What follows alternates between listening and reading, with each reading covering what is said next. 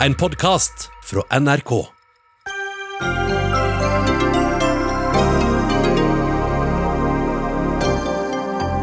KrF vil erstatte første skoletrinn med en førskoleklasse.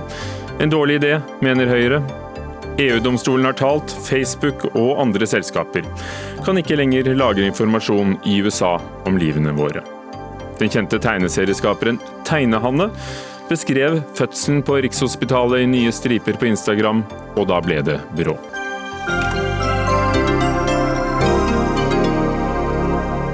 Dette er slikt stoff Dagsnytt 18 er laget av. Vi skal også innom Telenor, som mister millioner av kunder i Asia, og inntektene faller. Er det vi som skal betale prisen? Vi spør sjefen selv. Velkommen, Ugo Fermariello i studio i dag. Om en måned står de der igjen som tente skolelys, seksåringer over hele landet, klare for en ny hverdag. Og sånn har det vært siden 1997. Men nå foreslår Kristelig Folkeparti å gjeninnføre førskoleordningen. Erik Lunde, statssekretær i Barne- og likestillingsdepartementet, leder for KrFs programkomité. Hva er det som ikke fungerer med at seksåringer begynner på skolen? Nå har vi hatt eh, seksårig skolestart i over 20 år, eh, og vi har fått ganske mange tilbakemeldinger om hvordan det fungerer.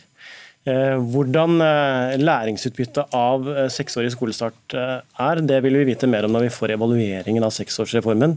Men det vi stadig får tilbakemeldinger eh, på fra foreldre, fra lærere, fra forskere, er eh, at eh, det er for tidlig for mange av de minste barna, særlig de som bare er fem år når de begynner i første klasse, og utsettes for et veldig sterkt læringstrykk, strukturert læringspress. Innordne seg veldig faste rammer. De er vant til å lære gjennom lek i barnehagen på ulike måter lære, eh, ta til seg kunnskap på, på andre måter enn å sitte foran en, en, tavle. Eh, og det Når de da kommer inn i en skole hvor eh, de skal lære på en helt annen måte, så er det veldig mange som mister mestringsfølelsen. Derfor så ønsker vi et annerledes førsteår. Hva da? Hva vil du ha? Vi vil ha et førsteår hvor, hvor, som er i mye større grad enn i dag bærer preg av lek, lære gjennom andre typer aktiviteter, friluftsliv f.eks. Mer i tråd med det som var intensjonen da seksårsreformen ble innført. Men, men, det skal være obligatorisk? Ja, Vi tenker at dette er en, et førsteår for alle. Eh, og Vi har heller ikke noe ambisjon om å vi, har, vi, vil ikke senke ambisjonene på elevenes vegne. Vi vil bare at de skal lære på sine egne premisser. Eh, ok, Mathilde Tybring-Gjedde fra, fra, Høyre sitter på Stortinget. Eh, det var jo det det skulle være. Det skulle være mye lek for å lære for de første, i første trinn, og så ble det ikke helt sånn. Hvorfor er du kritisk til å, til å gjeninnføre førskolen? Skolen? Altså, det er ingen tvil om at eh, barn de lærer på veldig mange ulike måter. og Når man kommer til første skoledag, så er det de som eh, har gledet seg til å få lekser og til å lære å lese skrive og sitte foran tavlen. Og så er det de som eh, har litt mark i rumpa fremdeles, ønsker å ut og leke og være i aktivitet. Og jeg mener jo at dyktige lærere som har tid og kompetanse, klarer å variere undervisningen, slik at disse elevene får den leken, aktiviteten de trenger. Eh, og Vi kommer jo med helt nye læreplaner nå etter sommeren, som titusenvis av lærere driver og forbereder seg til. Som nettopp understreker lekbasert læring for elevene. Er det, det er, fordi det, dere innser at det, det, ble for teoretisk? For 80% av lærerne som ble spurt i en undersøkelse fra Utdanningsforbundet, eh, sier seg enig eller delvis enig i at førsteklassingens skolehverdag er for teoretisk, er blitt det? Ja, det tror jeg varierer, det varierer i veldig stor grad. For du har nok mange skoler som er gode på å drive variert undervisning og ta i bruk lek. Og så har du de skolene som er for stillesittende. Og så er det de skolene som eh, kanskje bruker for lite tid på lesing, skriving og regning, som gjør at de elevene som kanskje ikke får den hjelpen hjemmefra, som ikke har foreldre med, som sitter og leser for dem om kveldene, at de opplever at det går mange år før de blir fanget opp. Så at her, Norsk skole er variert, men det jeg er opptatt av, er at man ikke tar pendelen helt tilbake til slik det var på 90-tallet hvor man så helt åpenbart på evaluering etter evaluering at vi hadde veldig mange barn som ikke lærte seg helt grunnleggende lesing, skriving og regning. Eh, jeg mener Det er en dårlig idé å svinge pendelen helt tilbake dit. Og så er jeg opptatt av at vi fremdeles har grunnleggende lese-, skrive- og regneopplæring i første klasse, men at det selvfølgelig skal gjøres på varierte måter på barnas premisser. Lunde, det blir mer lek med den nye læreplanen som gjelder fra om en måneds tid? Ja, og jeg tror det er bra at vi får mer lek inn i skolen.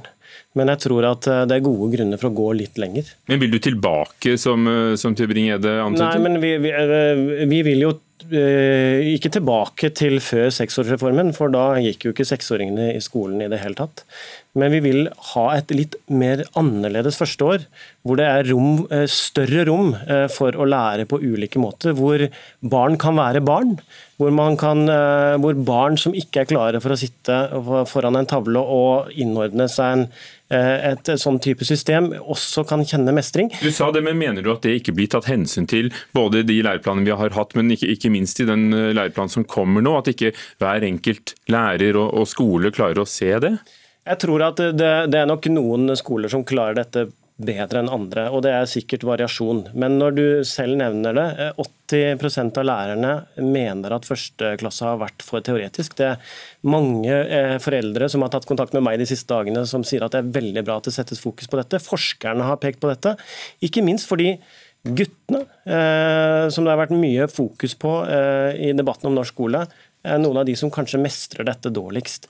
Og Derfor så tror jeg det er gode grunner for å ha et litt mer annerledes første år enn det vi har i dag. Ja, jeg synes Det er litt krevende å høre hva, vite hva KrF ønsker. For vi har ikke kompetansemål i første klasse i dag. Det har vi først på slutten av andre klasse. Sånn at det er rom for lærere i dag til å variere undervisningen. Og med det nye læreplanene så blir det i enda større grad ivaretatt. Men så vil jeg på den minne Lunde litt på for Han sier han gikk tilbake på før 1997, men han peker jo på seksårsreformen med førskole. Eh, og vi har evalueringer av Reform 97 som viste at lek ble i veldig liten grad brukt som et pedagogisk verktøy for elevene. Eh, at sosiale forskjeller det ble forsterka. Altså det hadde veldig mye å si hvilken utdanning foreldrene hadde. Og vi hadde 20% av elevene som gikk ut av ungdomsskolen uten å kunne lese, skrive og regne ordentlig. Og Vi må på en måte huske det bildet når man tegner, tegner historien her. For det er jo grunnen til at vi var opptatt av at man begynte med lesing, skriving og regning i første klasse. Og så er jeg enig i at lærerne må ha kompetanse og tid til å undervise dette på ulike måter. Men, men la oss ta det poenget du hadde der, Tybring-Gjedde forskjellsbehandling? Kan det bli større forskjeller eh, når, du kutter ut skolen og gjør det til, eh, til noe mindre strukturert?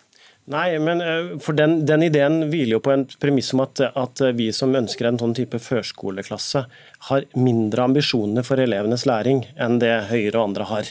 Men det stemmer jo ikke. Vi vil bare at elevene skal lære på sine egne premisser.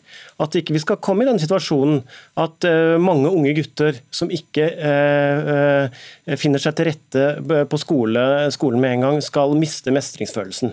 det er jo ikke sånn at dette er et veldig veldig radikalt forslag. Et land som vi ofte peker på for å, for å, som et forbilde for norsk skole. Finland, Finland har, jo skole, si har, jo skolestart uh, for sjuåringer, ikke seksåringer. Så her er det, og Sverige har, har, heller ikke obligatorisk skolestart for seksåringer. Danmark har en mer slags eh, barnehageklasse for seksåringene. Så det her vil jo ikke være noe veldig radikalt annerledes enn våre naboland. Vi har selvfølgelig de samme høye, høye ambisjonene for læring. men Eh, Men det med forskjellsbehandling handler jo om at på skolen så får eh, alle elevene en eh, veiledning som de kanskje ikke alle ja, kan få hjemme? er det jo veldig litt som tyder på at uh, den måten vi organiserer det på i dag har gitt et større læringsutbytte. Derimot så viser, forteller forskerne våre, våre at mange, uh, mange elever faller av uh, pga. at de ikke kjenner mestring. Mathilde Tybring-Gjedde. Ja, Vi må både rydde litt her. fordi Vi har mye som tyder på at elevene i første til fjerde klasse trives veldig godt på skolen. Eh, vi ser at manglende mestring eh, og motivasjon faller på ungdomsskolen, så vi har en jobb å gjøre. Det er nummer én. Nummer to så er det slik at vi har prøvd dette førskolepregete klasserommet før. Og Evalueringen viste jo nettopp at man klarte ikke å fange opp de elevene som ikke fikk den hjelpen hjemme. Og også at veldig mange også kjedet seg på skolen. For de kommer på skolen med ønsker å knekke lese- og skrivekoden, og trenger å møte kanskje litt ambisjoner på sine, sine vegne. Da tror jeg det, vi lar det, det sette punktum for deg der, Mathilde Tybing-Gjedde. Det hører ikke, høres ikke ut som Erik Lunde, dere i KrF, hvis dere går for dette forslaget. Du sitter i programkomiteen, at du får med dere regjeringspartnerne her? Det er ikke så veldig overraskende at Høyre er mot dette, det vet vi jo veldig godt. Men eh, hvis, eh, for alle de foreldrene og lærerne og forskerne som mener at eh, KrFs forslag er svært positivt, så bør de da velge å stemme på KrF. Takk skal dere ha, begge to. Erik Runde, statssekretær i Barne- og likestillingsdepartementet, leder for programkomiteen i, i KrF, og Mathilde Tybring-Gjedde fra Høyre.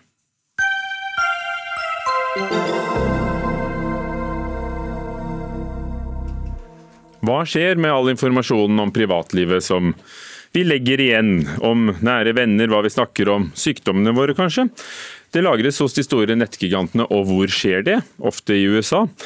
Og I dag har EUs øverste rettsinstans undersøkt om personvernavtalen som foreligger mellom USA og EU. Den heter Privacy Shield på engelsk, er i tråd med EUs personvernregler, som også gjelder her i Norge. I dag konkluderte EU-domstolen med at måten informasjonen lagres på og utveksles på, ikke holder mål. Så Det betyr i praksis da at Facebook ikke kan lagre tingene våre i USA, eller vi ansatt i USA og se på dem om de så ligger her i Europa. Torgeir eh, Waterhouse, partner i Otte. Hva er bakgrunnen for at eh, domstolen i det hele tatt tok denne, denne saken? Det er en ganske enkel, altså den er både veldig enkelt og veldig komplisert, men, i utgangspunktet veldig enkelt. Uh, um, Privacy Shield kom på plass i type 2016 fordi at det som var før, Safe Harbor, ble kjent i strid med personvernregelverket da. Uh, etter at Privacy Shield har trådt i kraft, så har vi fått nytt personvernregelverk. Og Så fort det kom på plass, så ble det sendt inn en klage da, hvor, hvor en uh, mente at den beskyttelsen Shieldet gir for dataene våre når de er i USA, den er ikke god nok i forhold til kravene i det som kalles GDPR. Så De har vurdert det og konkludert med i motsetning til kommisjonen at, eh, at det er riktig, det gir ikke godt, god nok beskyttelse. og Derfor konklusjonen i dag at man ikke kan bruke det, den, det, avtaleverket til å utveksle data mellom Europa og USA. Og det gjør de nå, og det kan de kanskje da ikke gjøre i, i, fremtiden. Hvert land må da implementere dette. Hva betyr det, da? For dette har fått mye oppmerksomhet i USA også, for gigantene, for å ta dem. Facebook og, og Twitter f.eks. Nei, det er, eh, det er, andre måter å gjøre det på. og EU har publisert et regelverk, som, eller avtaleverk som er ensidig skrevet av EU, som man kan forplikte seg til å følge. og Da er det lov å gjøre det. Men det blir mye mer komplisert. Eh, Privacy Shield er på mange måter en slags forhåndsgodkjenningsordning. så Du er godkjent inn i ordningen og kan si at vi følger denne, og dermed så er det lov å gjøre det. Så Det som kommer til å skje, er en kombinasjon av eh, hektisk aktivitet for å se om man kan få gjort noe med tolkningene. Det kan man nok ikke, vil jeg tro. Eh, men så om man kan få reforhandla, sånn som man gjorde sist, lage et nytt avtaleverk som, som viderefører den enkle måten å gjøre det på. Og Underveis så må både store og små aktører eh, finne andre måter via det eksisterende regelverket EU har som er i parallell, men som er mer kronglete og tungvint for dem å gjøre. Og Så er jo selvfølgelig den store diskusjonen at er dette egentlig noe mer enn en juridisk, politisk, faglig interessant diskusjon. Altså Betyr det noe for oss? Nettopp. Betyr det noe i praksis for sikkerheten på dataene? Betyr det i praksis noe for personvernet osv.? Det er all mulig grunn til å, til å tenke at det gjør kanskje ikke det. Men det gir mye å gjøre for advokater og for selskapene som holder på med dette. Roar Thon, fagdirektør for sikkerhetskultur i Nasjonal sikkerhetsmyndighet. Hvor godt fungerer EUs regelverk i dag for å hindre fremmed etterretning og kloa i opplysningene om oss? Det er veldig vanskelig å skulle ha en klar formening om. Man kan godt tenke seg at altså, vi trenger jussen, vi trenger altså, gode altså, retningslinjer og regelverk som, som, respekteres av alle. Og Så kommer jo da problemet inn hva da når man har aktører som overhodet ikke respekterer lover og regler. Og Det er jo der, det, er jo det skjæringspunktet vi kommer inn. og eh, der, der, kan på mange måter loven være så god den bare vil, eh, men den gir deg ikke nødvendigvis en bedre sikkerhet der og da, når vi snakker om de rent altså, fysiske tilgangen til data. Men domstolen sier jo her at Eh, at dette er fordi de ikke stoler på at eh, amerikanske myndigheter eller De tror at amerikanske myndigheter altfor lett kan få, få, tilgang til opplysninger om oss. Men tror du ikke de kan få det uansett? da? Det er spørsmålet hvilke virkemidler man ønsker å bruke. Da. Og Risikoene for sånn sett å bli avslørt ved å faktisk forsøke det. Og så gjelder ikke dette her bare amerikanske myndigheter. Dette er et problem vi lever med globalt i forhold til en rekke forskjellige aktører som potensielt vil være interessert i informasjon. For Det handler jo om til syvende og sist hvor trygt er alt det vi lagrer i si, banken. Hos alle de forskjellige selskapene. Vi fikk jo et eksempel servert eh, med frokosten i dag tidlig. Eh, Twitter-kontoene til kjente personligheter som Microsofts grunnlegger Bill Gates skulle tro han visste hva han drev med. Joe Biden presidentkandidat i USA, ble kapret av fremmede som stakk av med millionbeløp i svindel i, i kryptovaluta, da, i bitcoin. Hvordan i all verden fikk Twitter-kaprerne tilgang til dataene? Og Der er det noen ganske spennende detaljer som jeg gleder meg til å finne ut av, hvis vi noen gang får vite alt. Men, men den korte versjonen av det vi vet til nå, og det som de har publisert, er jo at de har fått tilgang via noen ansatte i Twitter. Altså De har fått på et eller annet vis, enten det er sosial manipulasjon, eller det er trusler, eller det er bestikkelser, hva det måtte være, eh, eller for den del sikkerhet, tekniske sikkerhetsbrister. Via kontoene eller, eller de ansatte som, som, individer, så har de utenforstående fått tilgang inn i interne verktøy. Er den informasjonen som er publisert til nå. Eh, det vi jo vet fra mange typer scenarioer, er at eh, man bruker mennesker til å komme noen vei. Man lurer folk. Det har man drevet med i mange mange år, lenge før vi fikk datamaskiner og internett. Og det er veldig effektivt å lure folk. Eh, eller true. Eller hva det måtte være. Sånn at det å Igjen, tilbake til, det er jo en klar link her til regelverk. Man har et regelverk som er veldig tydelig. Det hindrer ikke de som ønska å misbruke teknologien. Så de har kommet seg inn i systemene til Twitter, og via det tatt kontroll på kontoene til de forskjellige som det gjelder, bl.a. Bill Gates. Og hver av dem som eh, ble lurt, uh, mistet da 1000 dollar, altså rundt 10 000 kroner. Men uh, det er kanskje verre når, som vi hører om nå, at, at det påstås at russisk etterretning har fått har kommet seg inn og, er på jakt etter informasjon hos de som forsker på en vaksine mot SARS-CoV-2 viruset, altså koronaviruset. Eh, hvor eh, stort skadepotensial har, har den typen eh, datasnokking? Altså, og Hva vet vi om det der? Altså det, det, kan, det, kan, medføre mange ting. Altså for Det første så er det jo, det rammer jo den generelle tilliten mellom altså nasjonalstater og, og, slike ting når, eh, når, disse tingene kommer opp. Og så er det klart at eh, Verdien av uh, det å finne en vaksine mot covid-19 den er enorm. Mm. I både prestisje, i penger og en rekke forskjellige ting. Slik at jeg har full forståelse. altså litt sånn kynisk sagt. Hva har skjedd her i dag? Hva vet vi om det som har skjedd? Nei, altså det, som, det som da er, er at at amerikanske, og kanadiske og britiske myndigheter har kommet ut med en rapport som de bl.a. har delt med oss, eh, med konkrete påstander om at de ser at virksomheter som da er involvert i forskning og utvikling av potensiell vaksine mot covid-19, er utsatt for målrettede forsøk for å stjele altså den type informasjon som nettopp vil kunne hjelpe andre igjen med, med sin forskning. Og Hva gjør dere da? Fordi det sitter jo forskere i Norge også og holder på med dette? Det som da skjer, det er at eh, vi sender da dette videre nedover i systemet til de de potensielt gjelder. og Med dette så ligger også potensielle digitale spor som man kan begynne å leite etter i sine systemer. Så Det er en av de oppfordringene som har gått fra oss i dag til, til altså bl.a. aktører innen helsesektoren. Så har altså EU-domstolen bestemt i dag at eh, etter hvert så skal de beskytte oss, sier de, med at dataene fra europeiske kunder, som oss, også norske, skal ligge i Europa, behandles i Europa. Vil det beskytte oss mot hacking fra etterretning som vil ha vaksineopplysninger, eller lure oss og gi seg ut for å være deg og meg på Twitter? Det enkle svaret på det er jo nei. og det er Nettopp det som vi akkurat hørte om fra som er gjort mot vaksineaktører, er et godt eksempel på det. Hvis noen vil inn i tekniske systemer, enten via teknologien eller menneskene, så får de til det. Men Det betyr vel ikke at du skal gå fra huset ulåst likevel? Nei da, og vi skal både som individer og organisasjoner og myndigheter gjøre det vi kan for å holde sikkerhetsnivået så høyt som mulig og være bevisste på valgene vi tar og hvordan vi bruker teknologien. Men vi skal være klar over at det regelverket vi blir enige om oss imellom, hvordan vi skal være mot hverandre, det i seg selv hindrer ikke Eh, aktører som vil oss ondt på en eller annen måte, og gjøre det de har tenkt å gjøre. Er vi for slepphendte med opplysningene om oss selv? Er det noe vi hver og enkelt ja, altså, kunne gjort? Helt klart, fordi at det, Faren nå rundt det med Twitter-saken fra i går, det er jo at det er Twitter sentralt som er utsatt for noe. Eh, det, er, det skjer ikke ofte. Eh, det vil si at det er sikkert mange som prøver. Men det som ofte skjer, er jo at disse kontoene enkeltvis blir altså hacket, overtatt. Eh, og Når det man lykkes med det, så er det veldig ofte fordi at eierne, vi oss selv, gjør ikke de riktig enkle tingene for å sikre oss bedre. Som å ha gode passord, bruke tofaktorautentisering, oppdatere enhetene våre og ikke bli lurt på enhver tenkelig e-post som kommer vår vei.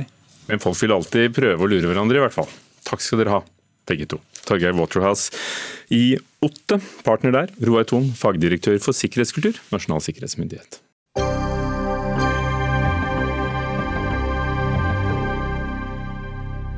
Tegnehanne, den populære tegneserieskaperen Hanne Sigbjørnsen, har skapt debatt med sin strek. I sommer ble hun mor for første gang, og har skildret sin egen fødselsopplevelse i striper. En grafisk fremstilling på Instagram av hvordan hun opplevde å føde på et av landets største sykehus midt under en viruspandemi. Hanne Sigbjørnsen, du har tydeligvis truffet en nerve denne uken. Hva opplevde du da du fødte på Rikshospitalet? Um, nei, jeg opplevde jo um, først og fremst å ikke bli tatt på alvor. um, jeg starta fødselen med å bli igangsatt med ballong. Uh, og det fikk jeg forutsatt at skulle ta 24-36 timer. men jeg merka veldig raskt at riene tok seg opp, uh, så jeg ringte i snora mange ganger. Uh, det kom folk inn, men de sa på en måte bare 'gå og legg deg', prøv å sove, så kan du liksom starte i morgen. Um, men det ble bare vondere og vondere. Og jeg har jo aldri født før, så jeg ante jo ikke hvor vondt det skulle være. Um, så jeg stolte på de.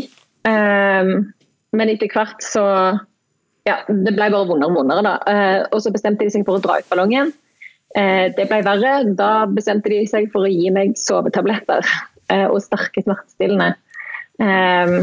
og en halvtime etterpå det så skjønte jeg selv at fødselen må ha vært i gang. Dette gjør så vondt.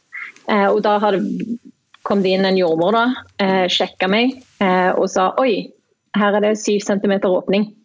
Som viste seg at jeg hadde ligget på en måte alene i et mørkt rom i aktiv fødsel i tolv timer. da. Og ingen hadde sjekka meg før det. Så da ble jeg jo kjørt til fødestua veldig raskt. Der merka jeg at det var travelt. Hanne Sigbjørnsen, eh, du, du, beskriver dette som en ganske kaotisk situasjon. Det, det hører vi jo. Du er jo selv utdannet eh, sykepleier og har erfaring som det. Hvorfor tror du det var såpass mye armer og bein? Um, altså Som sykepleier så vet jeg jo at uh, sånne feilvurderinger skjer ofte når det er veldig travelt. fordi Da må du på en måte anta at en standardpasient er en standardpasient. Og en pasient med ballong tar vanligvis 24-36 timer å føde. Eh, sannsynligvis så trenger du ikke sjekke, men i mitt tilfelle så var det jo i gang. Eh, og jeg burde fått en jordmor, jeg burde fått en fødestue, jeg burde fått partneren min på plass. Hmm. Så jeg, jeg, tror det, jeg, tror jo det, er underbemanning, rett og slett. Katarine Leine, avdelingsleder for fødeavdelingene på både Rikshospitalet og, og Ullevål sykehus, begge deler av Oslo universitetssykehus. Hvilke tanker gjorde du deg da du, da du så eh, Hanne Sigbjørnsens striper, tegneseriestriper, som handler om en erfaring på, på din avdeling som du er sjef for? Um, det, det bildeserien som eh, Hanne har tegnet er jo veldig illustrativt. Så for meg som fødselslege er det veldig enkelt uh, å se hva som har skjedd.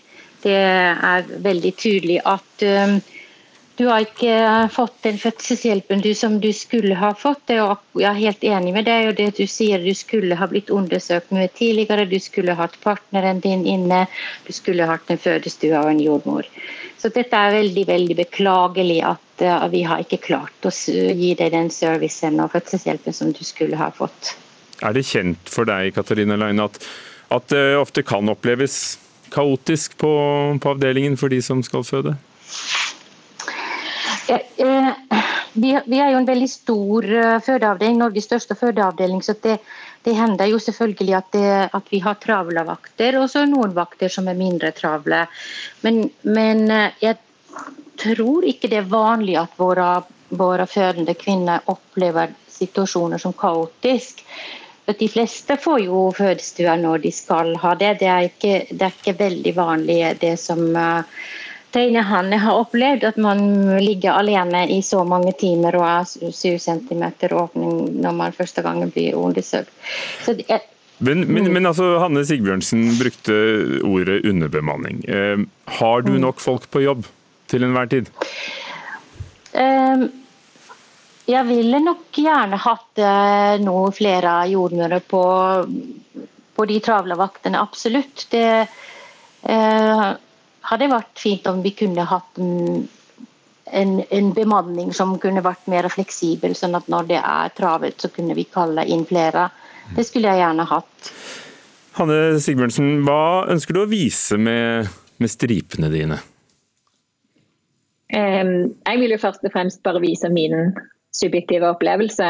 Og det er jo en fødsel er på en måte det viktigste uh, du går gjennom, omtrent. Um, og når det ikke gikk bra, så var jo det selvfølgelig veldig kjipt. Eh, og det, det, det viste, var jo altså Det traff veldig, fordi jeg har fått um, mailer fra hele landet med kvinner som har hatt lignende opplevelser. For du har jo 80 000 følgere på Instagram. Du er tegner i mm. Aftenposten, mange kjenner til deg. Eh, hva sier de, de som har eh, reagert, skrevet til deg, kommentert? Eh, de sier først og fremst takk for at jeg deler min historie så offentlig. For at det blir fokus på at det, det må bli et bedre fødselstilbud rundt om i landet. Og de har veldig behov for å dele sine historier, fordi det er ting folk går og bærer på. Du har jo en humoristisk, men hvis jeg kan si det også, en ganske kritisk eh, strek og, og, og, budskap. Så hvilke tanker gjør du deg om at du da også gjennom tegningene dine portretterer eh, folk på jobb, ansatte som står i en veldig presset arbeidssituasjon, og, og kanskje spesielt nå? Um, altså, Mitt mål var jo aldri å henge ut noen, um, men jeg må jo ta med de situasjonene for å vise akkurat hva som skjedde, uh, og for å dele min opplevelse av det. Og selvfølgelig er det to sider av en sak, men at jeg opplevde det sånn er jo på en måte graverende nok i seg sjøl. Og hvorfor vi nevner det er fordi Du har jo fått en e-post av en ansatt i helsesektoren som, som reagerer på din fremstilling av, av fødselsopplevelsen og, og, livet på en fødeavdeling, og oppfatter stripen din som sitat, harselerende og gjennomsyrende negativ. Hva, hva synes du om det? Nei, det provoserte meg. Eh, fordi altså, Sånne historier trenger å komme ut. Det er den eneste måten vi kan få et bedre tilbud på, og det trengs åpenbart. Eh, så jeg syns alle burde dele sin negative opplevelse. Katarina Leine, avdelingsleder for fødeavdelingene på, på OUS. Helt generelt, hva synes du om at sykehusansatte sender e-post direkte til en som er utskrevet fra sykehuset? Det er jo to, to sider i, en sånn sak. Våre ansatte skal selvfølgelig ha lov til å delta i en samfunnsdebatt. Det er veldig viktig at de også har en, en uh, ytringsfrihet. Men, men, uh, men sykehusansatte skal ikke skal ikke kommunisere med våre pasienter via e-mail, men, men, i den, den, denne situasjonen så kan jeg jo si at han var utskrevet og han hadde gjort denne saken til en samfunnsdebatt. Så at, så at uh, en ansatt ville delta i den. Men så kan man jo si at det var kanskje litt uh, sterke ord, som, som du refererer uh, her. at det var kanskje ikke så provoserende hva han har tegnet. Eller det burde ikke provosere, for at vi som jobber i helsevesenet, vi må tåle å få kritikk. Spesielt når vi har gjort en dårlig jobb. Og I Dagsnytt 18 har vi altså forsøkt å komme i kontakt med, med vedkommende, men det har ikke lyktes. Så, så, er det sagt. Hanne Sigbjørnsen, jeg holdt på å si tegne-Hanne hele tiden, fordi det er, blitt så, det er blitt så vanlig å kalle deg for det. Du, du må vel også finne deg i at selv om dette var i en gråsone, som avdelingssjefen sier, at når du lager en så stor debatt som den ble, at da, da kommer det reaksjoner fordi folk føler seg truffet på, på alle sider? Absolutt, eh, men det er jo litt eh, Jeg var pasient der for tre uker siden. Eh, og jeg som sykepleier selv hadde aldri sendt mail til en tidligere pasient på den måten. Så på den måten syns jeg det var uprofesjonelt. Og så var det jo sånn at I kommentarfeltet på en av tegningene så ble en ansatt ved sykehuset navngitt. altså Skal det skje? Eh, nei, det skal det ikke. Um, men det, denne saken har fått så mye mer oppmerksomhet enn jeg trodde det kom til å få. Uh, det innlegget hadde over ja, mange hundre kommentarer. Mm. Og jeg har en nyfødt, så jeg, jeg rakk rett og slett ikke å moderere det godt nok. Hanne Charlotte Schjelderup, du leder Jordmorforbundet. Og det er ikke hver dag at jordmødre havner eh, på en, eh, en populær tegneserie. Tror du Hannes historie er, ty er typisk? Jeg syns det er fint at vi får en debatt rundt fødselsomsorgen. Og det er eh, bra at Hanne skildrer en ærlig og ja, en opplevelse av sin egen fødsel eh, som eh, jeg tror nok flere jordmødre kan kjenne seg igjen i den stripa som eh, hun lager. Og jeg tenker at det er viktig å få fram at Norge skal være et av verdens tryggeste land å føde i. Og for å lykkes med det her, så må vi òg ha nok jordmødre i arbeid. Og vi har jo over tid mottatt veldig mange bekymringsmeldinger fra våre medlemmer om at arbeidssituasjonen er så pressa at det er grenser til uforsvarlig. Derfor har vi kartlagt eh, i en undersøkelse både på mindre og større fødeavdelinger hvordan arbeidssituasjonen er for jordmødrene. Og vi ser jo helt klart at arbeidspresset er størst på de store fødeklinikkene, og 60% av våre jordmødre vurderer slutt pga. for stort arbeidspress. Så dette viser jo at vi har utfordringer i fødselsomsorgen, på tross av at vi eh, greier å holde både barne- og mødredødeligheten lav, så har vi utfordringer i én-til-én-omsorg. Og det er veldig viktig. Det er det Hanne beskriver i denne stripa si, at ikke hun har jordmor til stede når hun er i aktiv fødsel. Og I undersøkelsen vår er det over 90% av jordmødrene som svarer at de ikke greier kravet om én-til-én-omsorg av jordmor til kvinner i aktiv fødsel. Hva, hva, hva skal gjøres, tror du, som, som jordmor og, og, leder av forbundet, hva skal gjøres for å, å bedre det? Er, det? er det bare å ansette flere, eller kunne det vært gjort annerledes?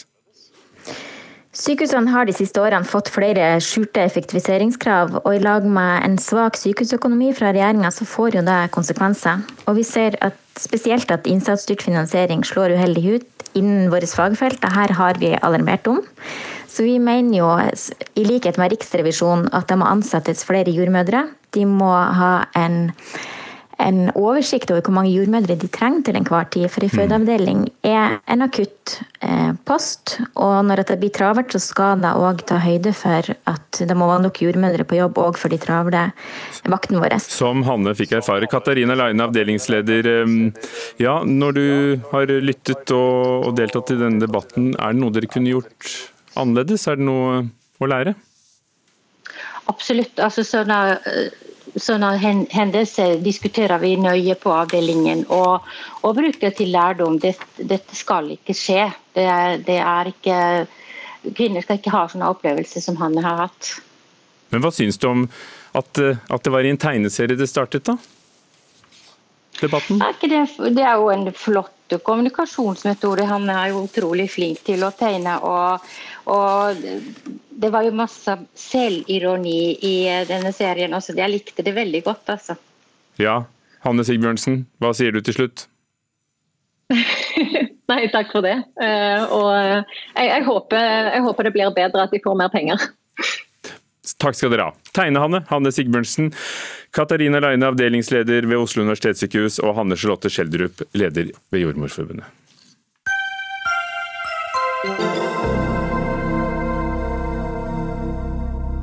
Seks timer, er det nok for en arbeidsdag?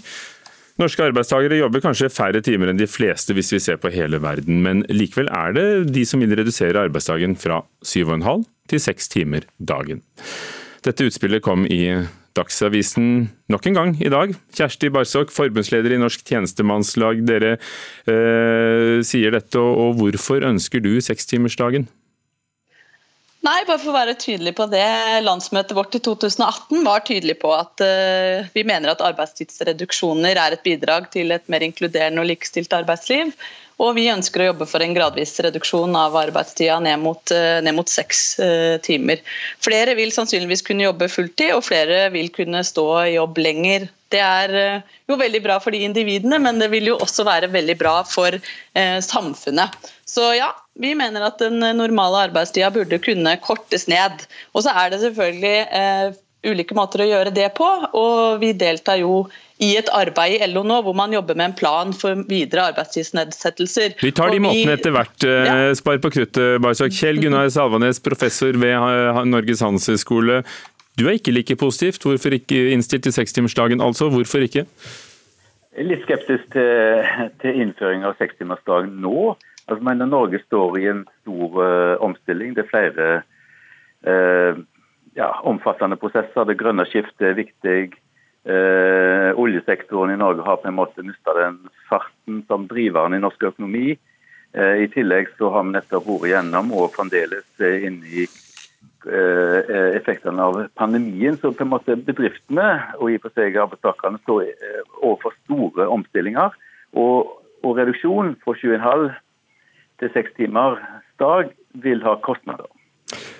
Kjersti Barsok, du vil jo ikke at vi skal gå ned i lønn, vil du det?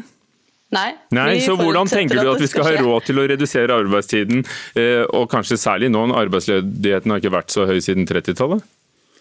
Nei, altså Det er jo nettopp noe av det som min motdebattant her peker på. at Vi står jo oppi eh, altså Sekstimersdagen vil være en reform for framtida. Så er det klart at eh, pandemien som vi står oppi nå, den utfordrer oss på mange måter. Men, men det må ikke være til hinder for at vi eh, diskuterer hvordan vi organiserer arbeidet. Og nettopp det at mange står utafor arbeidslivet, saken i Dagsavisen i dag illustrerer jo at det er mange som, eh, som ikke får, får dagene sine til å gå opp. med to voksne i full jobb og barn. Det er mange som ikke, eh, ikke har muligheten til å selv redusere arbeidstiden. Men hvordan skal eh, bedriftene unnskyld at jeg avbryter, få råd mm. til å De må jo da dekke opp med flere ansatte, og hvis ikke de som er der skal gå ned i lønn når de jobber mindre, hvordan skal de få råd til det? Dette kan vi gjøre gjennom tariffoppgjør. Dette er det mulig å forhandle mellom partene i arbeidslivet for å, for å finne løsninger for dette. Altså at de kan gå ned i lønn? Nei, at man kan ta ut deler av verdiskapningen gjennom redusert arbeidstid istedenfor penger. Og Man må jo sikre en profil på de lønnsoppgjørene selvfølgelig, som, som også sikrer eh, de lavest lønte. Men dette vil jo partene kunne gjøre i fellesskap. og bare for å liksom gå tilbake til denne utredningen. Jeg tror jo at hvis vi skal få dette til på en god og solidarisk og ikke minst forsvarlig måte, så må partene gjøre det sammen. og Da er vi veldig spent på det kunnskapsgrunnlaget som LO legger nå. For bare for å ha sagt ja, det, vi er jo... Der. Du, du skal ja. få ord igjen. Kjell Gunnar Salvanes, ehm, partene kan bli enige. Ta heller ut uh, gevinsten i, i fritid og ikke mer uh, penger. Kanskje det har fremtiden for seg? At vi ikke behøver å tjene mer hele tiden, men kan ha mer tid? Ja, og kanskje det. Jeg er litt agnostisk. Det kan godt hende jeg skal organisere arbeidet på en annen måte enn nå. Det, det, har vi sett før, og det kommer til å skje igjen. Men jeg tror på en måte timingen er helt feil. Altså, jeg, tror, jeg, tror, på en måte det er vanskelig å tenke seg at det er oppi alle disse omstillingene en holder på med, som er på en måte krevende selvsagt både for partene, begge partene i arbeidslivet og arbeidstakerne og arbeidsgiverne, så tror jeg rett og slett at det blir vanskelig å finansiere det nå. For det er jo ikke sånn at... Så du er ikke imot det, altså, egentlig? En, det er jo sånn at det er entydige på en måte, studier som viser at det sekstimersdag er på en måte det beste som har hendt, uh, hendt i verden og produktiviteten går opp. Det er det ingenting som tyder på. Ha? Er det andre negative sider som du ser enn de økonomiske? Nei, jeg, altså jeg, eh, det, det, kan være det òg, men, men, men, jeg tror på en måte, det er på en måte Nå snakker jeg akkurat som situasjonen er nå. Nå, nå, tror jeg det, det økonomiske argumentet er det viktigste det, det, altså hvis, men det, det, kan være andre argumenter òg. F.eks. Eh, det blir antydet at eh, ja, noen kan ha seks timer, noen kan ha åtte timer, noen kan ha ni timer. Eller, eller, det kan være en variasjon. Men da er det jo sånn at en kan jo tenke seg at de som har minst arbeidstid, det, eh, har minst arbeidsdager, de har minst å si i, i, jobben. Og på en måte kanskje òg har minst muligheter til, til, å gå opp i hierarkiet og få, få bedre stillinger. Så, så, det er ikke helt Eh, det er ikke helt entydig at dette er det beste. Kjersti Barsok, eh, er du enig i at eh, det er positive og negative sider ved dette? Vi er jo altså, allerede et land som, hvor vi jobber blant de landene som har færrest arbeidstimer i verden men som også har eh, høyest eh, produktivitet, ifølge OECD, med unntak av Irland, er det vel. Så, så produktiviteten i Norge er jo allerede, allerede høy. Og gitt at, uh, gitt at, redusert arbeidstid både ville kunne få flere til å jobbe fulltid, og ikke minst kanskje også få at vi, at vi er flere som kan dele på arbeidet, så, så må vel Salvenes også kunne være, Salvenes være enig i at det er bedre økonomi å ha flere i arbeidsstyrken som lønnsmottakere og skattebetalere enn eventuelt som trygdemottakere fordi de ikke enten kommer seg inn i arbeidslivet, de blir ikke inkludert, eller fordi de ikke har muligheten til å jobbe så lenge som f.eks. pensjonsreformen legger, eh, legger, til grunn, nettopp fordi at de er utslitt lenge før de kommer så langt. Salvenes, er ikke det et poeng at det er billigere å ha noen da i, i arbeid enn i, eh, i permisjon, altså for samfunnet? Men her, altså jeg, er jeg er for alt det gode, jeg. Det, det, er jo ikke det at jeg sitter her på en måte, Jeg er ikke finansminister, det er ikke jeg som styrer dette her, men jeg er for alt det gode. Men så er det jo det at det er alle disse tingene som det er sagt at ja, da blir det flere i arbeidsstyrken. Dette vet vi jo ingenting om. Dette er jo bare spekulasjoner. Så, så, på en måte, hvis en skal gå inn for Som sagt, jeg er agnostisk i forhold til dette. Det kan godt hende dette er en god idé, men da må en ha et kunnskapsgrunnlag. Et objektivt kunnskapsgrunnlag Sånn at det viser at dette er, eh, du får flere inn i arbeid. og og, og produktiviteten går opp, og folk blir mindre syke osv. Hvis en har det kunnskapsgrunnlaget, ja, Da vil du. en beslutning. Kjersti Barsok, vet vi nok nå? Dere mener at dere gjør det, i hvert fall? Altså, Vi mener at det er viktig at vi jobber med det. og nå jobbes det jo, altså, Landsmøtet vårt ønsker å gå i den retningen. Eh, Det er all grunn til å tro at det vil ha mange positive effekter. Vi venter nå på det kunnskapsgrunnlaget som kommer, og den planen som LO og Det er jo det som er fabelaktig. ikke sant? Bredden av disse forbundene. Vi er jo opptatt av å opprettholde industri, at vi sammen kan finne løsninger som fungerer på tvers. Eh, Men at det er behov for kunnskap, ja selvfølgelig er det det. Men hvis ingen ber om den, hvis ingen prøver, og hvis det ikke finnes følgeforskning, ja da får vi det heller ikke. Vi kutter i hvert fall taletiden her. Takk skal dere ha, Kjersti Barsok, forbundsleder i NTL Norsk Tjenestemannlag, og Kjell Gunnar Savanes, professor ved Norges handelshøyskole. Hør Dagsnytt 18 når du vil. Radio NRK NO.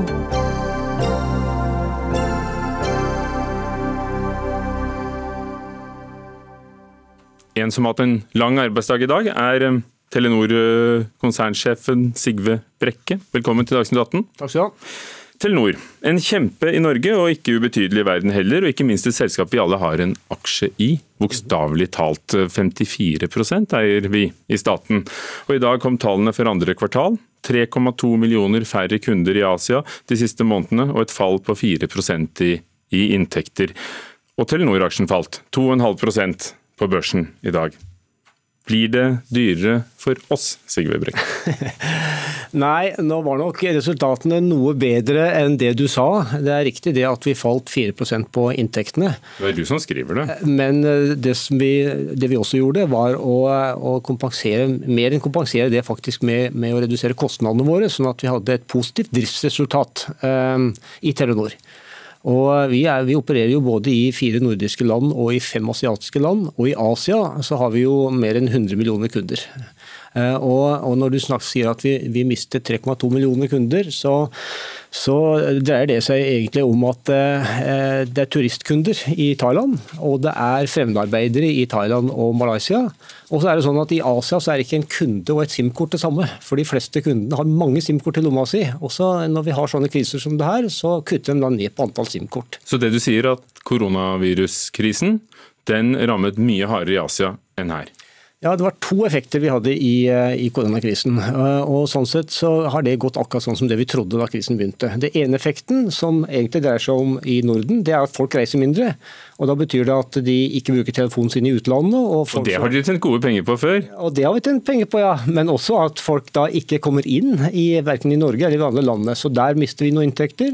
Og så er det sånn at I Asia hvor kundene bruker kontantkort, så går de også topper opp eller fyller opp det kontantkortet sitt kanskje én eller to ganger i uka. Og Når markedene er stengt, så får de ikke muligheten til å gjøre det, og så må de da redusere regningen sin. Så Det er de to effektene vi har hatt. Og Vi visste jo ikke at dette ble kastet over oss, ikke dere, dere heller. Hvordan har det gått med de siste månedene i, i Norge og Norden? Mm -hmm. Nei, Norge har greid seg veldig bra gjennom de siste tre-fire månedene. Er det fordi vi har sittet hjemme og jobbet på nett, som du har vært en ivrig forkjemper for? Ja, det definitivt. Vi leverer kvalitetsnett til de som sitter hjemme. Kvalitetsnett, Altså ikke bare nett? Nei. Ja, nei, jeg bruker ordet kvalitetsnett, for det er faktisk sånn at Norge har et av verdens aller beste nett. Og det er jeg veldig stolt av. Og grunnen til at vi har det, er for at den norske kunden er veldig krevende. Vi har, bare, vi har to nett, faktisk. Ja da, det er, det er, mange nett, men den norske kunden er faktisk så krevende at du forlanger at det skal være full dekning fra du forlater bostedet ditt til du er på hytta. Og Det er jo ikke rart, for vi betaler jo, har det vist seg før, mye mer enn kundene deres i, i Danmark f.eks. Er det vi som da betaler prisen allikevel? For i det store og det hele, hvis konsernet taper penger av den ene eller andre grunnen et sted, så må det jo komme inn et annet sted. Ja, Nå taper ikke konsernet penger, som jeg sa. Nei, men dere tjener, mindre enn, dere tjener mindre enn dere hadde tenkt. Mindre, men, men det, er, det, er, feil, den forestillingen om at, at Norden subsidierer Asia. Det er ikke sånn i hele tatt. Faktisk er det sånn at de mest lønnsomme selskapene våre har vi i Asia. Relativt der vi har minst lønnsomhet, er i Danmark, ikke i Asia. Og For å ta et tall, i fjor så tok vi hjem 4 milliarder kroner fra våre asiatiske virksomheter hjem til Norge. Da begynner du nesten å svare på med neste spørsmål. For Det har jo gått en debatt om Equinors satsing i utlandet, fordi de tapte penger på oljesatsingen i USA, Equinor også. Dere i Telenor uh, tapte 20 milliarder kroner i India. Det var en uheldig satsing i, i, i Russland. Uh, hvorfor er det sånn, mener du, som da konsernsjef i et av disse store selskapene med stor statlig eier, at dere skal og bør satse så hardt i utlandet? Ja, først og fremst bare for å kommentere på India. Nei, India fikk vi ikke til. Eh, det var mange ting som gikk imot oss der, så der trakk vi oss ut. Men vi lærte mye av India, og hadde vi ikke lært eh, så mye av India, så hadde vi ikke fått den store suksessen i Myanmar, som var eh, et annet land som gikk Der har du fått 200 000 flere abonnenter, eller SIM-kort da, i det siste. Ja, og vi har mer enn 20 millioner kunder. Men for å svare på spørsmålet ditt, to svar på det. Det ene er at vi lever nå i en verden hvor vi konkurrerer opp imot de store globale spillerne. Våre hovedkonkurrenter er Google, det er Facebook, det er de spillerne, og da teller skala. Du må være en stor operatør hvis du skal ha en sjanse til å både kunne gjøre business med de store globale eh, gigantene, men også for å ha størrelse nok til å få innkjøpsmakt, sånn at du kan presse prisene. Sånn Så businessen bruker... deres er ikke å drive det beste nettet og tjenesten for oss i Norge? Businessen er å drive det beste nettet i Norge, i Myanmar, i Bangladesh og i, i, i Sverige, for å ta et eksempel. Og det er faktisk sånn at vi kan ha lavere priser pga. den størrelsen vi har, som kommer den, altså når vi kjøper utstyr, som også kommer den norske kunden til gode. Dere fikk en kjempebot som dere ikke har vedtatt. Dere har klaget av ESA, EFTAs overvåkningsorgan, nå i slutten eh, av juni. 1,2 milliarder kroner. De mener dere hadde misbrukt markedsmakten når det gjaldt å leie ut kapasiteten på, på nettet i Norge. Um, ja, Hva tror du vil skje med den saken, og hva har det betydd for deg? Ja, det, dette er en sak som ligger tilbake til 2008 til 2012. Det var perioden. Uh, og Det det dreide seg om på det tidspunktet der, det var da uh, sånne innstikk som du satte i, i computeren din eller laptopen din for å få kontakt med internett. Vi mener den boten er fullstendig eh, uriktig. Vi mener vi ikke har gjort noe galt, og vi har definitivt bestemt oss for å anke den boten. Vi får se. Om to måneder så får vi klarhet i det. Bli gjerne sittende og hør hva Henriette Tronsen har å si, teleanalytiker hos Arctic Securities. 3,2 millioner færre kunder i Asia, er det bare koronaviruspandemien? Jeg vil jo ikke si at jeg er, synes det er litt feil å si at jeg har tapt 3,2 millioner kunder. Det er heller et SIM-kortfall. Eh, det er flere grunner til det. Eh, Bl.a. i Malaysia og Thailand så har en del kunder kjøper da kontantkort når de reiser inn til landet, eh, istedenfor å bruke mobilnettet. I Malaysia så er det også en del dagsarbeidere som kommer fra nabolandene og som har mindre jobb da når det er stengte Så Brekke har helt rett i sin forklaring, altså? Ja, så er det også en annen effekt. Det er også i Bangladesh og Pakistan så um, er det multisim-kortmarkeder. Det vil si at eh, folk har ofte to til tre SIM-kort. Eh, du bruker kanskje ett SIM-kort til å ringe, ett SIM-kort på å surfe på mobilnett og ett på Facebook. Men eh, nå etter koronakrisen brøt ut, så har folk gått over til kun å bruke ett SIM-kort. og Det fører også til et kundefall, men også da høyere gjennomsnittsinntekt per bruker pga. høyere bruk per SIM-kort. Tallene som ble lagt frem i dag, er det som du ventet? Ja, det er eh, røftlig som er ventet. Eh, marginalt under på inntekter og noe over på driftsresultatet. Eh, og det er og, så jeg kommer til å gjøre mindre estimatendringer etter rapporten. og var ikke ja, Hva betyr det i praksis? Hva sier du til, til kundene til Arctic? Nei, det var, eh, Jeg sier at det var omtrent som jeg ventet på forhånd. Eh, så derav gjør mindre endringer. Eh, koronakrisen det hadde mindre betydning for Norden, men traff hardere i Asia. Og det er flere grunner til at det traff hardere i Asia. For det første så har Asia en større andel av brukere som er på kontantkort, som har redusert bruken. Men, men syns du Sigve Brekke og ledelsen i Telenor bør gjøre noe, noe annerledes? Altså For aksjekursen falt jo 2,5% og folk, øh, folk solgte veldig mye i løpet av dagen på Oslo Børs. Ja, Aksjekursen falt jo, det er jo pga. Eh, Telenor har blitt truffet av korona i Asia-virksomheten. Men når det gjelder om de burde gjort noe annerledes, dette var jo effekter som slo inn pga. korona. Eh, og de har vært flinke til å kutte kostnader. Og det så man jo selv om inntektene falt med rundt 4% organisk sammenlignet med fjoråret. Så leverte de faktisk en vekst på driftsresultatet på rundt 1 eh, Så jeg mener ikke at de kunne gjort noe annerledes. Jeg eh, må bare vente på å se at de asiatiske markedene gradvis åpner seg opp før man får en bedring her. Er eh, Telenor-aksjen en god investering for oss, siden vi alle har en del av det? Jeg mener Telenor er eh, attraktivt priset på dagens nivå. Eh, aksjene er på en rabatt til lignende nordiske telekom-operatører. Og jeg tror man får en gradvis bedring etter markedene i Asia åpner opp igjen. Takk skal du ha. Henriette Tronsen, analytiker hos Arctic Securities. Er du fornøyd med dommen, Sigve Brekke? Ja, jeg er det. Og det er egentlig akkurat samme jeg sier. Eh, vi, vi eh, greide å håndtere den krisen faktisk veldig bra. Og om du skal si det selv? Nei, ja, om ja. vi skal si det selv, men det viser også tallene. Og vi skal gjøre det enda bedre i måneden som kommer. Takk skal dere ha. Sigve Brekke, konsernsjef.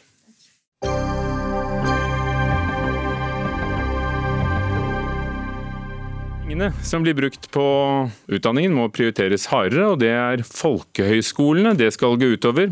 Vi har 83 av dem i Norge, og de skal gi oss en allmenndannelse uten karakterpress, og det har de skullet helt siden Grundtvig.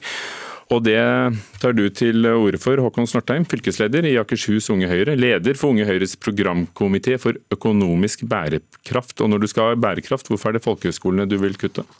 Nei, altså Vi har jo eh, jobbet nå i snart et år med et ganske langt program. og Det er jo nesten 20 sider, så det er ganske mange andre spennende forslag som vi også kan diskutere eh, senere.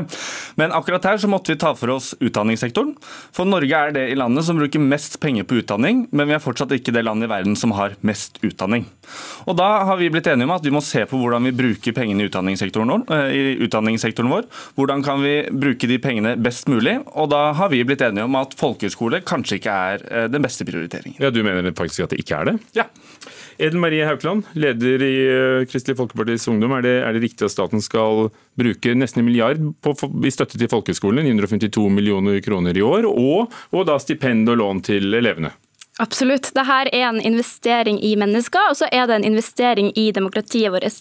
Folkehøyskolene bekjemper utenforskap, de skaper tilhørighet. Eh, det er et sted hvor ulike mennesker lærer seg å leve sammen. Det er et demokratiprosjekt. Har du gått på folkehøyskole? Jeg har ikke gått på folkehøyskole, nei, men jeg vet hva det gjør med samfunnet vårt. Og det er jo nettopp det her med at um, du vet ikke alltid hva du har før du mister det. Jeg tror ikke vi har råd til å miste eh, folkehøyskolene. Og hvis Unge Høyre får det sånn som de ønsker her, der man skal kutte driftsstøtta og kutte eh, stipend, så kommer det til å først og fremst sørge for at mange elever, de som har dårligst råd, ikke vil ha råd til å kunne ta et så stort lån. Eh, men også at eh, folkehøyskolesektoren ikke har noe driftsgrunnlag. Ergo blir de lagt ned. Er det det du vil, Håkon Stortheim? Ser du at konsekvensen kan bli at mange legger ned? Altså, vi skjønner jo åpenbart at dette kommer til å ha konsekvenser. Eh, det er, det er, eh, ingen hemmelighet i det hele tatt. Men jeg mener også at det er jo, men Skjønner du at du med det forslaget i praksis gir dødsdommen til noe av den mest tradisjonsrike innen norsk utdannelse og norsk ungdomsliv? Jeg tror nok ikke at eh, det kommer til å legges ned all masse. For jeg tror at de som ønsker å gå på folkehøyskole, de kommer også til å være med på det. Og så mener jeg også at... Å være med på det, altså betale det, den fulle prisen? Ja. Og så eh, er det litt Jeg mener i hvert fall at det er litt urettferdig at eh, elever på folkehøyskole sidestilles langt på vei med vanlige studenter fra andre studier når det ikke er karakterer, det er, det er ikke pensum. Og det er den type ting som jeg mener at man burde kreve. Og så er det en liten bakenforliggende faktor i alt dette. da. Og det er at frem mot 20 2030 så kommer befolkningen over 80 år til å dobles, inntektene fra olje- og gassektoren kommer til å falle, og vi må også bruke masse penger på å løse klimautfordringene. Men Du sa jo akkurat at denne milliarden skulle gå til andre ting i skolesektoren. Ja, altså Hvis vi ikke skjerper oss for å få norsk økonomi inn på rett kurs nå, så kan det hende at den 1 milliard kroner må brukes på pensjon. Men la oss holde oss til skolene. Karakterer, er det det som skal til? Altså, dette, dette, får den samme støtten som utdanningsinstitusjoner som gir studiepoeng og karakterer og har klare mål. Det som er så unikt med folkehøyskolene, er jo nettopp det at det, er et sted hvor eh, unge kan komme uten presset, uten det å alltid skulle bli vurdert på alt de gjør. Eh, og dagens unge, det er en stressa og pressa gjeng. De trenger et sted der de kan få eh, senke skuldrene sine, men samtidig at det skal være læringsutbytte av det året. Og så vil jeg bare si at Vi i KrFU er kjempeopptatt av at det skal være økonomisk bærekraft. Men hvem er det som er betaldyrt for det forslaget som Unge Høyre kommer med her? Det er de elevene som ikke har råd til å gå på folkehøyskole. Og så har vi flere får... Hold an litt. Vi har med oss en som eh, som representerer alle folkehøyskolene, nemlig Kristian Tynning Bjørnø, daglig leder i Folkehøgskolerådet.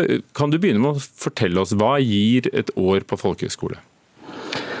Nei, Folkehøyskole er jo et unikt eh, skoleslag og et eh, nordisk fenomen som har holdt på i generasjoner. Eh, og Et år på folkehøyskole det gir elevene faglig utvikling på den linja det faget de velger. Det gir elevene læringsglede. Mange elever er ganske knekjørt motivasjonsmessig etter 13 år på i skolegang, og trenger et år hvor de kan lære på en litt annen måte. Så gir det samarbeidsevner og sosial kompetanse. Det blir viktigere og viktigere framover. Og så gir det samfunnsforståelse og demokratisk deltakelse. Mennesker møtes som er forskjellige, bor og lever sammen i et år. Det er egentlig et demokratiprosjekt, det altså. Håkon eh, Snortheim, kan alt måles i karakterer og studiepoeng? Nei, det kan jo åpenbart ikke. Men det er, liksom, det er, så utrolig mye i samfunnet vårt som kan forsvares med at det er et demokratiprosjekt. Også, men, men unge, dette er virkelig en institusjon ja, altså, har, i Norge? Vi har unge i dag som sparer penger til å dra på backpacking i Asia, som driver med humanitært hjelpearbeid i Afrika og Sør-Amerika, også Asia for den saks skyld, uten nødvendigvis å få statsstøtte for det. Vi har eh, mange som velger å ta et friår, hvor de velger å jobbe eh, etter videregående, og føler også at de får et godt utbytte av eh, å velge å, å ordne året sitt eh, på den måten. Og Det syns jeg også er bra. Men jeg mener på et eller annet tidspunkt så må også KrFU, som erkjenner den problemstillingen de har med at vi skal ta vare på det velferdssamfunnet vi alle er så glad i, da må man også tørre å kutte og prioritere noen steder, selv om det kan gjøre vondt. Ellen Marie Haukeland. For det første så kan du ikke sammenligne det å dra på backpacking med et år på folkehøyskole. Det er to ganske ulike ting. For det andre så er det store, andre store utfordringer vi står overfor som ikke bare går ut på det økonomiske. Fremover så må vi bekjempe den utenforskapen og ensomheten som vi ser er et folkehelseproblem i samfunnet vårt. Vi har en utbrent ungdoms... Men kan du virkelig si at det er det folkehøyskolene gjør? Blant annet. Eh, absolutt. Og det er jo det er et uh, inkluderingsprosjekt nå eh, der ganske mange sårbare grupper Eh, har et kjempegod nytte av et år på folkehøyskole. Men det er også et poeng at det skal være en variert eh, elevmasse, der mennesker fra ulike bakgrunner, ulike økonomisk bakgrunn, det som vanligvis skiller oss i samfunnet, bor i lag, jobber i lag. Kristian Tenning Bjørne, hva vil du tro det har å si for folkehøyskolene, de 83 vi har i Norge, eh, hvis Unge Høyres forslag blir virkelighet? Altså Driftsstøtten på, på 950 millioner kroner blir borte, og, og elevene får ikke stipend. Vil de komme og betale egen lomme, sånn som Unge Høyre tror? Nei, forsvinner, elev, altså forsvinner stipend gjennom Lånekassen, så kommer et fåtall av dagens elever til å ha mulighet til å gå på eh, folkehøyskole. Eh, og når folkehøyskolen mister elever, så er det ikke grunnlag for drift. Og Kombinerer du det igjen med at driftsstøtten, altså statsstøtten, eh, forsvinner, ja da er det bare å låse døra på landets folkehøyskoler. Det betyr at 83 skoler mest sannsynlig må legge ned. 8000 elever som hvert år går på folkehøyskole i Norge, som har et utbytte av det, som Eh, som lærer seg å mestre livet sitt og får motivasjon og lærelyst til å delta i, i, det som venter i neste kapittel, enten det er videre studier eller jobb, de vil miste et tilbud. og Det er eh, alvorlig. Eh, og jeg tror at Men det er jo mange ting i, i 2020 som... og, fram, og, og framover så, så, er det nettopp det å ha et unikt skoleslag som fremmer inkludering, som forhindrer utenforskap, som får unge, som, unge til å ha lyst og tro på framtida. Ja, det, det tror jeg er eh, viktig. Du er uenig i at dette er å sidestille med, med et halvår på tur med ryggsekk på ryggen? Ja, absolutt. Eh, et år på folkehøyskole er eh, et år hvor elevene både får faglig utvikling, de får læringsglede, de får øvd seg på sosial kompetanse, og de får samfunnsforståelse og demokratisk deltakelse. Så dette er noe helt annet. Håkon Snortheim, 12% av 19-åringene velger seg folkehøyskole. Hvordan skal du kapre unge velgere med dette utspillet? Nei, og Det er jo det som egentlig er litt vondt med hele, hele greia, og det er eh, at vi må prioritere fremover. og Noen steder kommer det til å gjøre vondt, og det kommer til å gjøre enda vondere hvis vi ikke begynner å prioritere hardere i tiden fremover. Du er forberedt på å miste noen unge velgere, da? Jeg håper jo ikke det. Takk skal dere ha, alle sammen. Håkon Snortheim, Unge Høyre, Eden Marie Haukland, leder i KrFU, og Kristian Tynge Bjørnø, daglig leder i Folkehøgskolerådet. Det var det. Dagsnytt 18 er over. Arnhild Myklebust var ansvarlig for det hele. Hans Ole Hummelvold teknisk ansvarlig. Ugo Fermarello programleder. Takk for i dag. Vi høres i morgen.